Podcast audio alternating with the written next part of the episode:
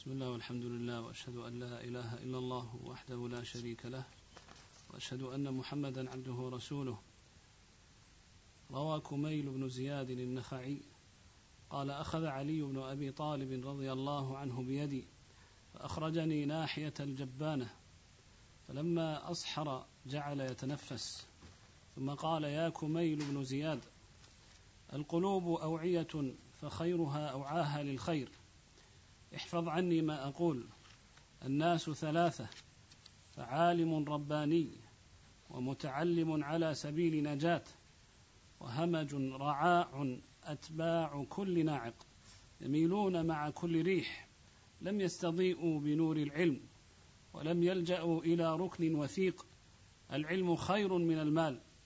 العلم يحرسك وأنت تحرس المال. العلم يزكو على الإنفاق.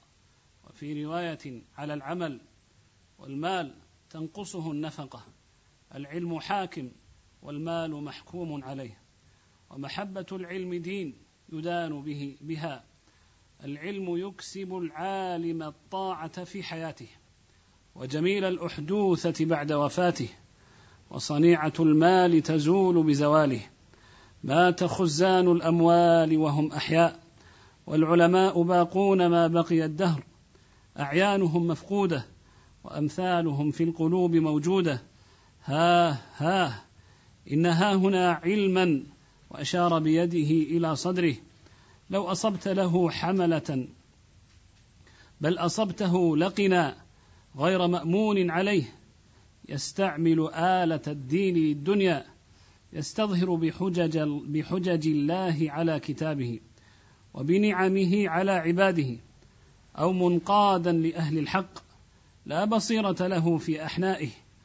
ينقدح الشك في قلبه بأول عارض من شبهة لا ذا ولا ذاك أو ملهوما للذات أو منهوما للذات سلس القياد للشهوات أو مغرا بجمع الأموال والادخار ليس من دعاة الدين. أقرب شيء شبها بهم الأنعام السائمة. لذلك يموت العلم بموت حامليه. اللهم بلى لن تخلو الأرض من قائم لله بحجته لكي لا تبطل حجج الله وبيناته. أولئك الأقلون عددا الأعظمون عند الله قيلا. بهم يدفع الله عن حججه حتى يؤدوها إلى نظرائهم. ويزرعوها في قلوب أشباههم هجم بهم العلم على حقيقة الأمر فاستلانوا ما استوعر منه المترفون وأنسوا بما استوحش منه الجاهلون. صحبوا الدنيا بأبدان أرواحها معلقة بالملأ الأعلى. أولئك خلفاء الله في أرضه ودعاته إلى دينه. ها ها شوقا إلى رؤيتهم. وأستغفر الله لي ولك وإذا شئت فقم.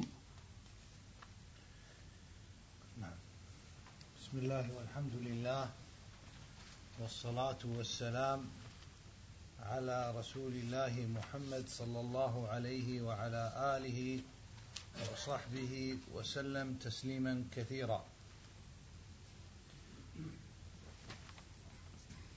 تكلمنا في الأصناف الثلاثة العالم الرباني كما ذكرهم الخليفة الراشد علي بن أبي طالب رضي الله عنه وأرضاه حينما وصف الناس بأنهم ثلاثة عالم رباني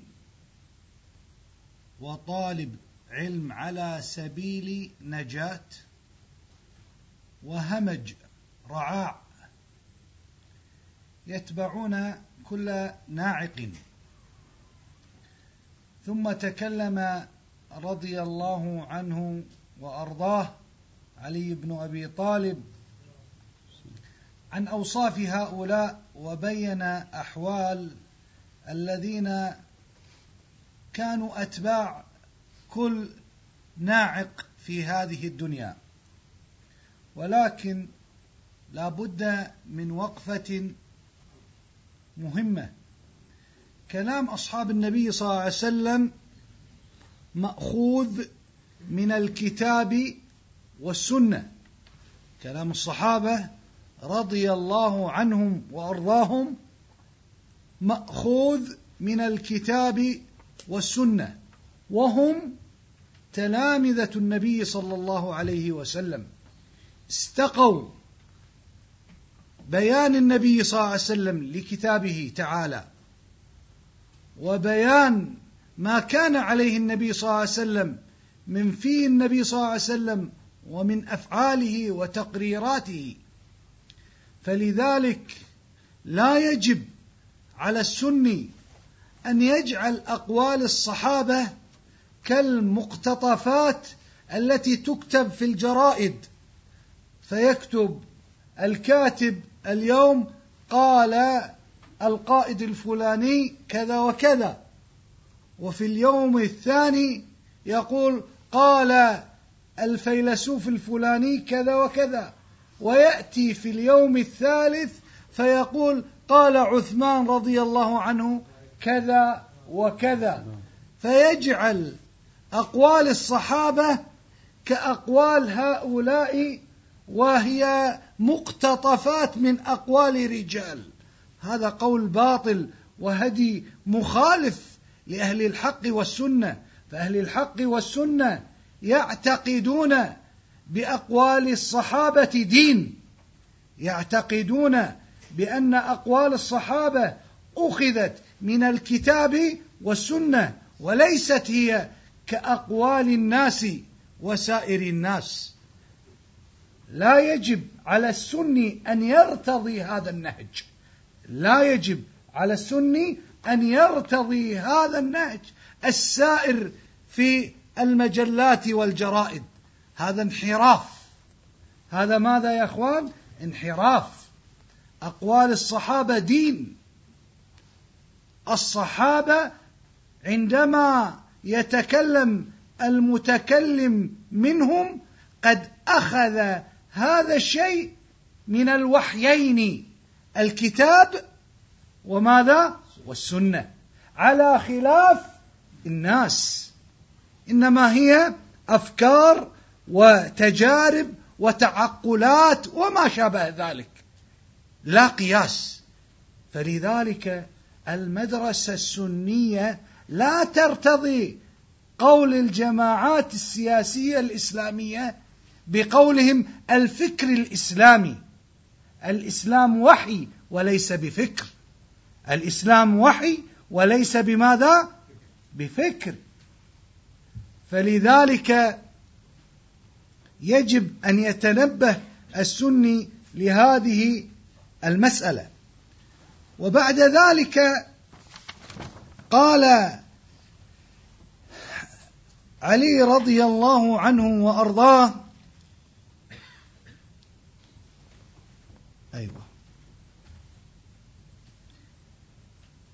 يميلون مع كل ريح لضعفهم كالقصن الضعيف.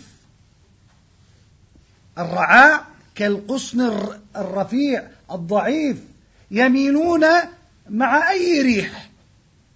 فإذا كانت إذا كانت العاصفة شمالية كان الغصن هذا يتجه إلى وين؟ إلى الشمال. وقس على ذلك. هؤلاء الرعاع لم يستضيئوا. هنا يعلل لماذا كانوا هكذا. لماذا كانوا هكذا؟ قال علي رضي الله عنه وأرضاه الخليفة الراشد لم يستضيئوا بنور العلم. اذا العلة الأولى بأنهم لم يأخذوا من كتاب الله تعالى من نور الحق الدين بل كان الأمر بأهوائهم وبقناعاتهم ولم يكن لهم نور يهتدون به أي القرآن والسنة وما كان عليه أصحاب النبي صلى الله عليه وسلم. السني يستضيء بنور الحق والدين ولا يقبل بأن يأخذ بمحض الرأي بل هو يستضيء بنور الدين والإسلام والقرآن والسنة. وقال علي ولم يلجأوا إلى ركن وثيق ولم يلجأوا إذا جهلوا إلى عالم من علماء السنة يستضيء بما استضاء به من علم الكتاب والسنة بل لجأوا إلى عقولهم.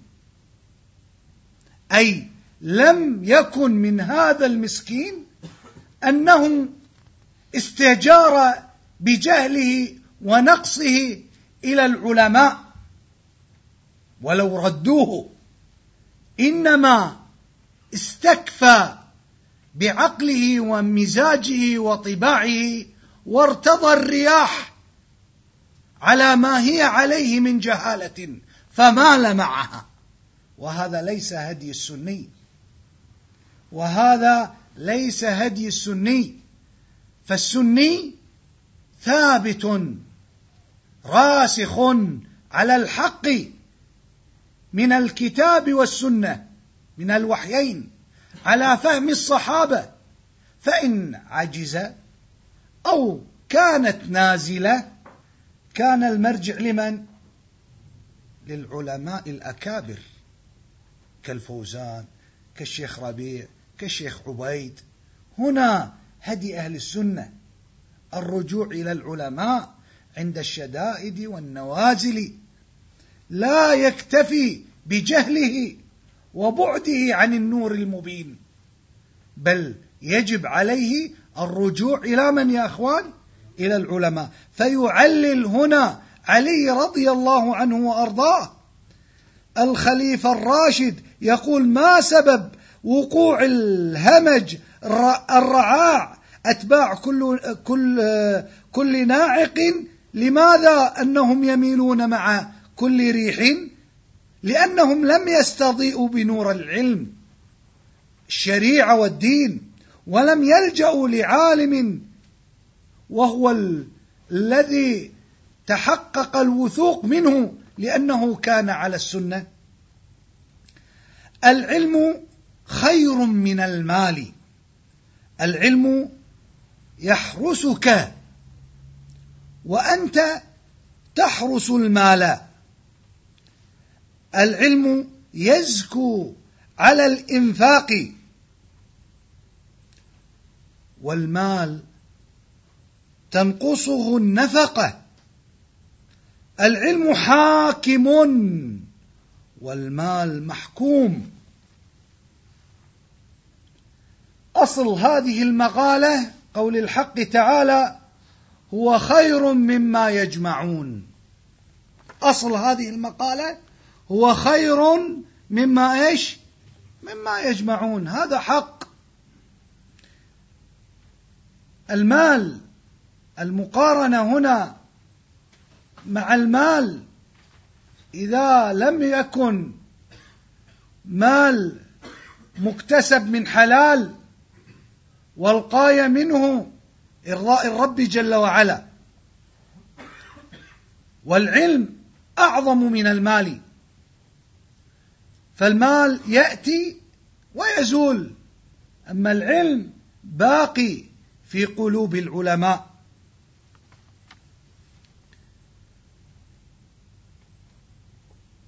ومحبة الدين عبادة يدان بها لله تعالى. وهذا ما نطق به السلف رضي الله عنهم وأرضاهم حيث قال حذيفة تعلم العلم عبادة وتعليم العلم صدقة. تعليم العلم صدقة. فالناس الذين يأتمرون بالعلم وبالصبر عليه إنهم في عبادة من ذلك. لذلك قال النبي صلى الله عليه وسلم إن الله وملائكته وحتى الحيتان في البحر وحتى النمل في جحرها لا يصلون على معلم الناس الخير. فالصلاة تكون لمن؟ لمعلم الناس.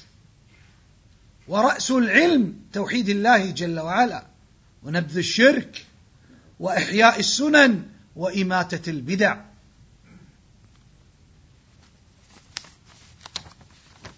إلى أن قال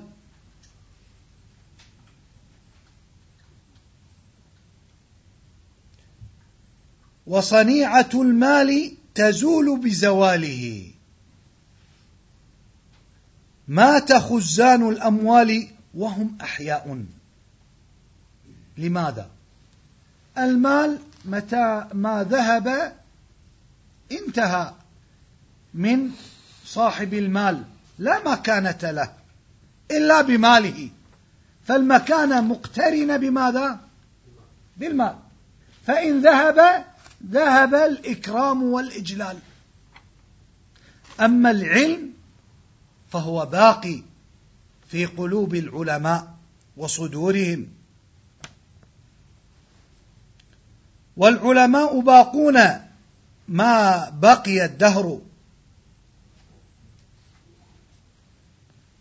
إلى أن قال علي رضي الله عنه وأرضاه ها ها إنها هنا علم. وأشار بيده إلى صدره ها ها إن هنا علم. هنا يجوز للإنسان أن يستأنس ويتسلى مع خاصته بمثل هذا الكلام وهذا هدي الخليفة الراشد علي رضي الله عنه وأرضاه. وهذا من باب الاستئناس مع صاحبه. قال لو أصبت له حملة. هذا العلم لو أصبت له حملة. أناس يعون هذا العلم ويدركون عظم هذا العلم. هنا يشير علي رضي الله عنه وأرضاه بأن علي رضي الله عنه وأرضاه لم يجد من يأخذ هذا العلم بحقه. أو من يتلقى هذا العلم إلا أنه وجد أناس غير مامونين على هذا العلم. والمعلم يجب أن يضع الشيء في نصابه فالعلم يوضع في مكانه الصحيح فيدرك بأن هذا الشخص الذي أمامه يستحق هذا الإعطاء وهذا العلم. قال يستعمل آلة الدين للدنيا. وهنا الحذر. يستعمل آلة الدين للدنيا.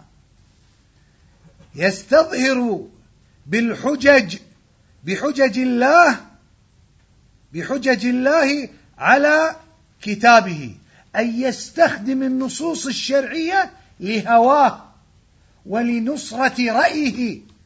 كما نرى من دعوى الجهاد ومن استخدام نصوص الجهاد في غير محل محلها.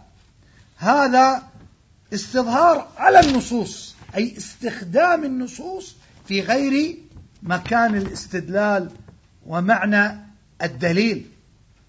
وهذا مصدق لقول النبي صلى الله عليه وسلم يؤولون القرآن على غير ما أنزل الله. أي يفسرون الدين والقرآن على غير مراد الله.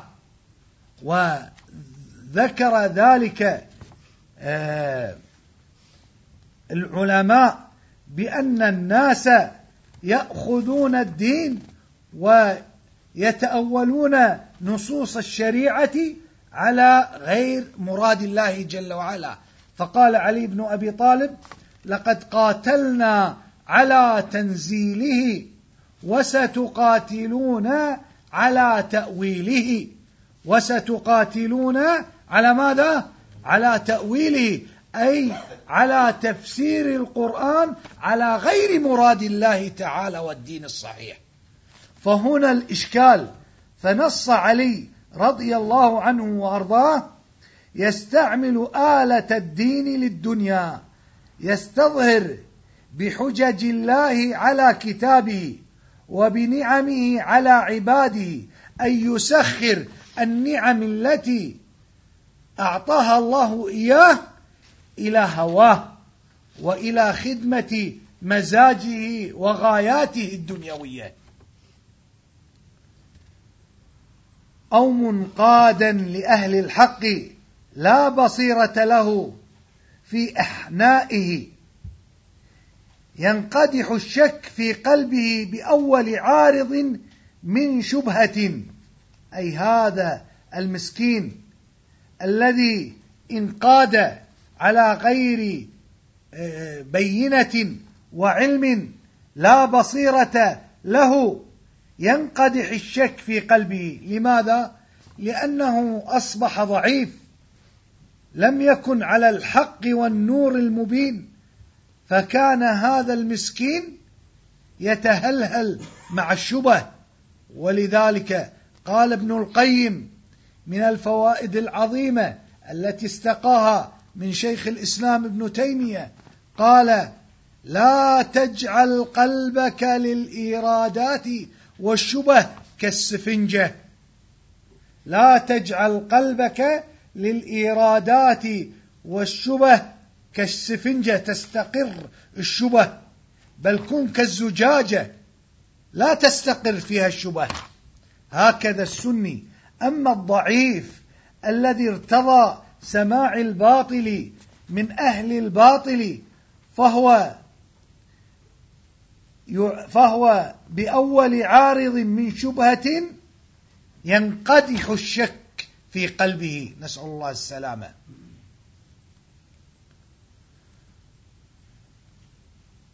فيكون منقاد للشهوات والشبهات. أو يعني ينغري بمغرم بجمع الأموال والإدخار. ليس من دعاة الدين.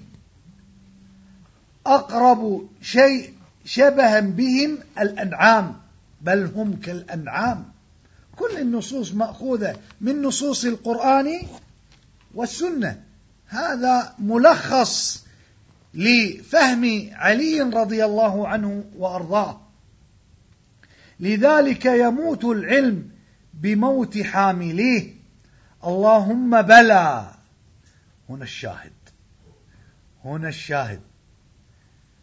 لن تخلو الأرض من قائم لله بحجته. لكي لا تبطل حجج الرب تعالى وبينات الرب تعالى. أولئك الأقلون عددا. لا تزال طائفة من أمتي. انظر يلخص هذا المعنى. لا تزال طائفة من أمتي ظاهرين على الناس. لا يضرهم من خالفهم ولا من خذلهم. فلا يضرهم خذلان المخذلة لهم. ولا يضرهم مخالفة المخالفة لهم فهم على الحق باقون. هؤلاء قائمون بأمر الدين لا برسمه وبحرفه بل بمعانيه. لا برسمه وحرفه بل بماذا؟ بمعانيه. فالأصل في الدين معاني القرآن والسنة. لا حفظ الكلمات والخطوط بل بحفظ ماذا؟ معاني الدين. هنا البعض يقول علي قال رضي الله عنه وأرضاه لو أصبت له حملة. ماذا يقول؟ لو أصبت له حملة. فقد يأتي آتي ويقول اذا ما بلغ علي. فأراد علي بهذه الرواية أن يغلق الباب عن أمثال هؤلاء. لأن هذا إبطال لدين الله. فقال مقيدا وهذا من ال وهذا من الاحتراز. من ماذا؟ من الاحتراز للفهم الباطل. حيث قال اللهم بلى انظر ماذا يقول علي. اللهم بلى. هنا احتراز. لن تخلو الأرض من قائم لله بحجته. لكي لا تبطل حجج الله وبيناته تعالى. أولئك الأقلون. أناس قليل في أناس شر كثير. أناس قليل في أناس شر كثير. يصلحون حين فساد الناس. يصلحون ما أفسد الناس. يظهرون السنة. ويقمعون ماذا? البدعة. يظهرون التوحيد. ويبطلون الشرك بالله جل وعلا. هذه الدعوة السنية هذه دعوة الأنبياء والرسل. اذا هناك من هو قائم بحجة الله تعالى. والمعاني هي المقصودة من العلم. المعاني هي المقصودة من العلم. وهؤلاء قائمون بأمر الله.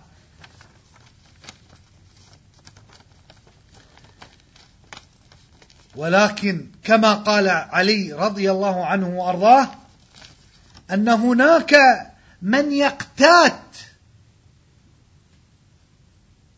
بهذا الدين. يقتات مال يقتات مكانة رفعة يقتات أن يجعل الناس ينظرون إليه. فيجعل هذا العلم وهذا الدين جسر لغاياته. الدنيوية. قال علي يستعمل آلة الدين للدنيا.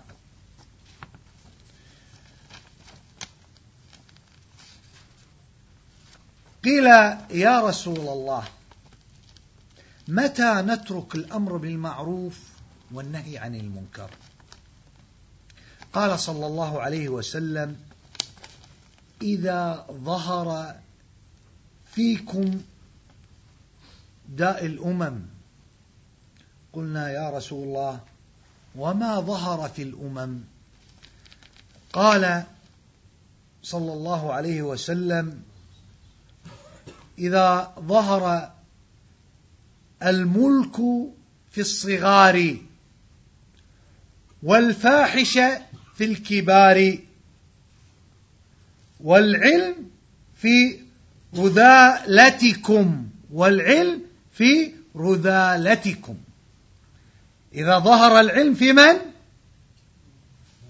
في الرذالة. هذا منطوق النبي صلى الله عليه وسلم. أظهر الصحابة هذه المعاني بعبارات شتى للوصول إلى مراد الله تعالى. هذه الرواية حسنها الشيخ مقبل.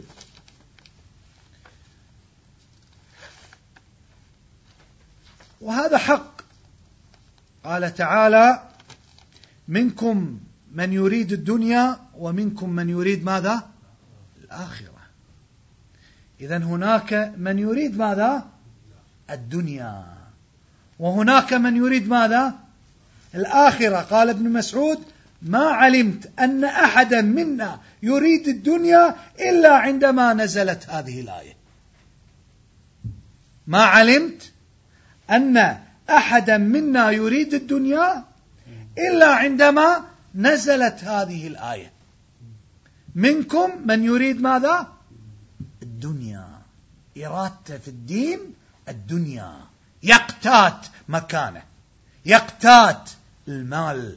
من خلال الدين. نستعيد من الشيطان الرجيم ومن هذا الهدي الذي سبيله الانتكاس في الدنيا وفي الآخرة.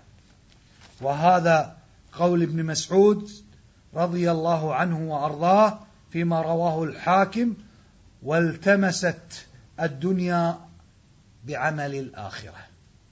والتمست الدنيا بعمل الآخرة. نسأل الله السلامة.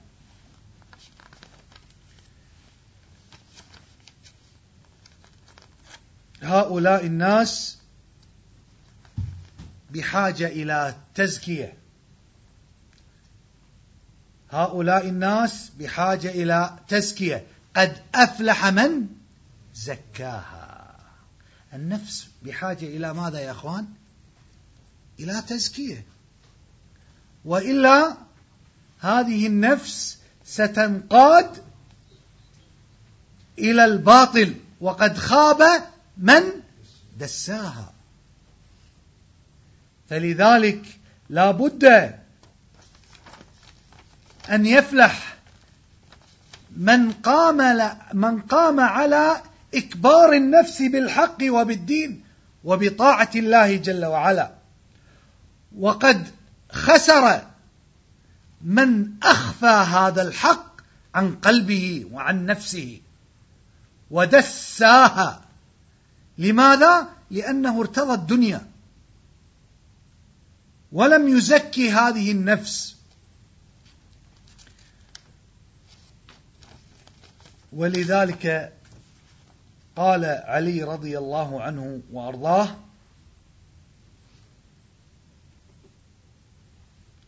أولئك الأقلون عددا.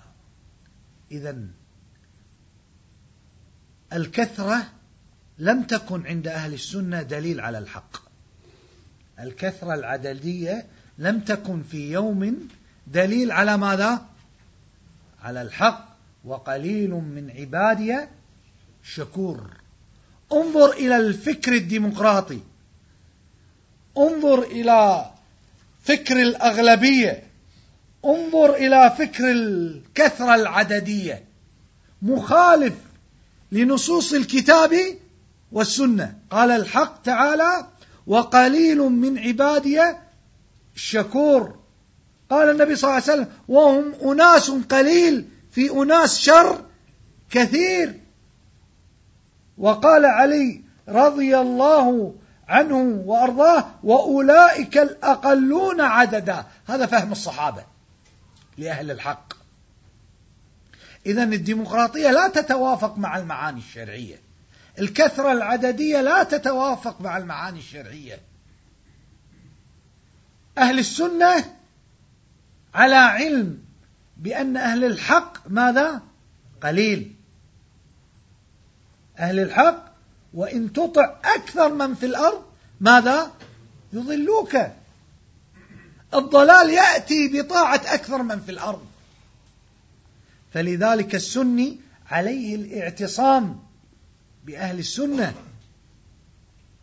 لا تزال طائفة هم قلة. لا تزال طائفة من أمتي ظاهرين. ظاهرين بماذا؟ بالمعاني معاني القرآن والسنة.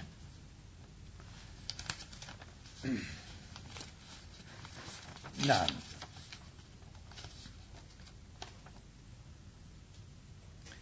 هل المال مذموم كما قرأنا؟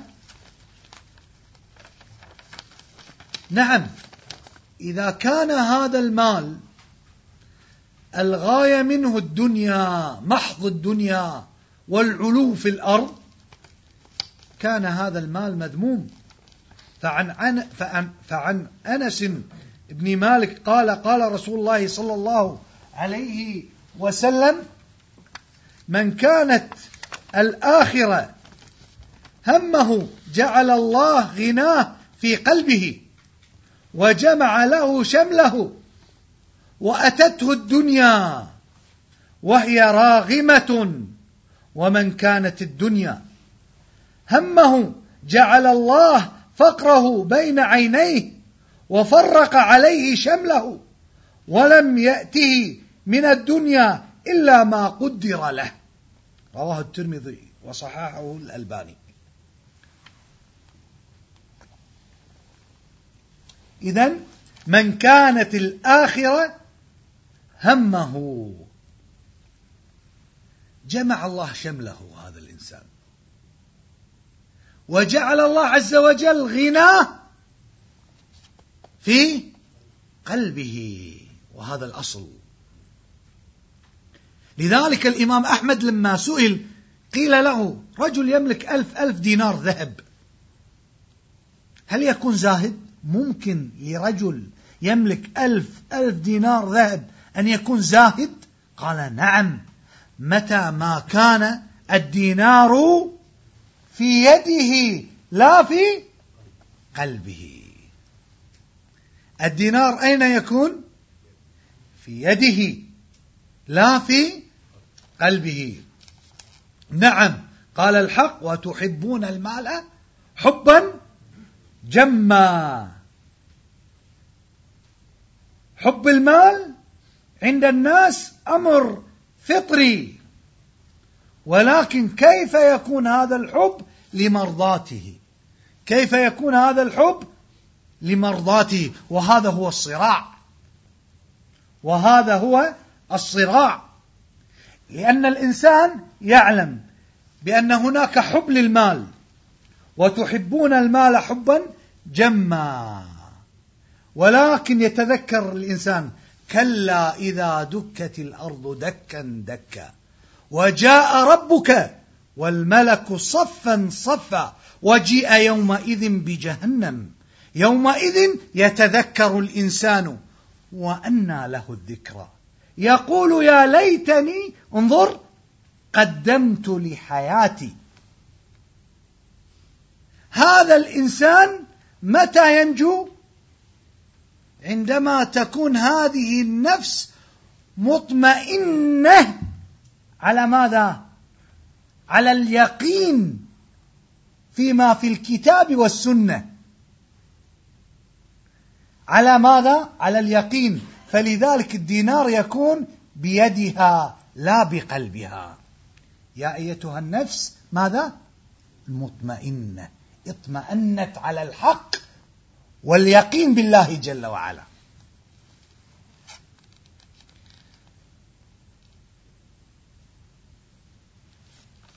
لذلك قال النبي إن الله يبغض كل جعضري متكبر جافي عن الموعظة. جواظ صاحب أكل وشرب وكفور بأنعم الله جل وعلا. صخاب بالأسواق جيفة بالليل حمار بالنهار. عالم بالدنيا جاهل بالآخرة. رواه البيهقي وصححه الألباني. لا يكون الإنسان كهذا. فالنبي بين لنا هدي المنحرف عن الجادة. ولكن لا بد من توضيح نبوي لهذا المعنى. روى الطبراني قال عن كعب قال قال رسول الله صلى الله عليه وسلم مر على النبي صلى الله عليه وسلم رجل فرأى أصحاب الرسول صلى الله عليه وسلم في جلد هذا الإنسان ونشاط هذا الإنسان. قوة جثمانية ونشاط أعجبهم هذا النشاط. فقالوا يا رسول الله لو كان هذا في سبيل الله. هذا النشاط في الصباح الباكر هو ذاهب نشط باغي إلى بغيته فعندما رأى الصحابة هذا الرجل قالوا يا رسول, يا رسول الله لو كان هذا في سبيل الله. فقال رسول الله صلى الله عليه وسلم إن كان خرج يسعى على ولد على عياله صغارا فهو في سبيل الله. وإن كان خرج على أبوين شيخين كبيرين فهو في سبيل الله. وإن كان خرج رياء ومفاخرة فهو في سبيل الشيطان. انظر إلى المفارقة. إذا إذا خرج الإنسان للكد للعيال ولكي لا يسأل الناس شيئا. ولكي تكون يده العليا. فهذا في سبيل الله إن كانت هذه هي الغاية عنده. وهذا عمل قلبي. وهذا عمل ماذا؟ قلبي. أما إن كان هذا مفاخرة تكثر في المال من باب المفاخرة والرفعة فهذا باطل. لذلك كان من الصحابة من يلبس الجديد. والنبي صلى الله عليه وسلم قال البس جديدا وعش حميدا. العيش الحميد ليس بمذموم بمنطوق محمد صلى الله عليه وسلم. ولكن لا يكن هذا من باب المفاخرة لا يكن هذا من باب الكبر لا يكن هذا أن يكون الإنسان عبد الدينار والدرهم. لا يكون الدينار والدرهم, والدرهم أين؟ في يده لا في قلبه. فلبس الجديد نطق به النبي صلى الله عليه وسلم. البس جديدا. والعيش الحميد نطق به النبي صلى الله عليه وسلم. ولكن ومت شهيدا. إذا مآل الأمر غاية الأمر القرب إلى الله تعالى.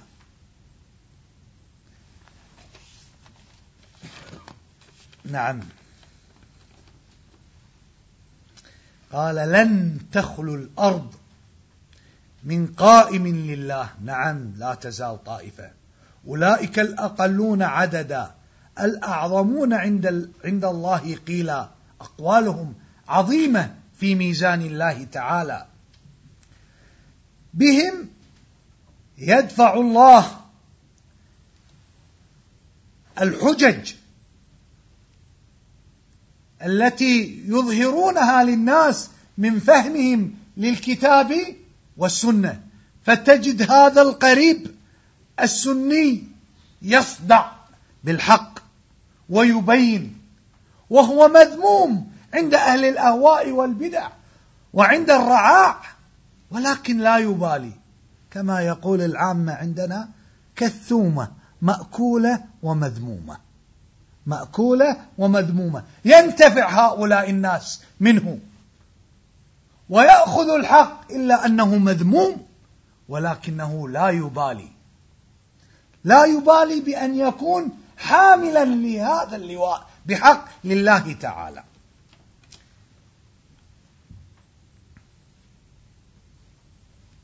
وأنسوا بما استوحش منه الجاهلون. لاحظ.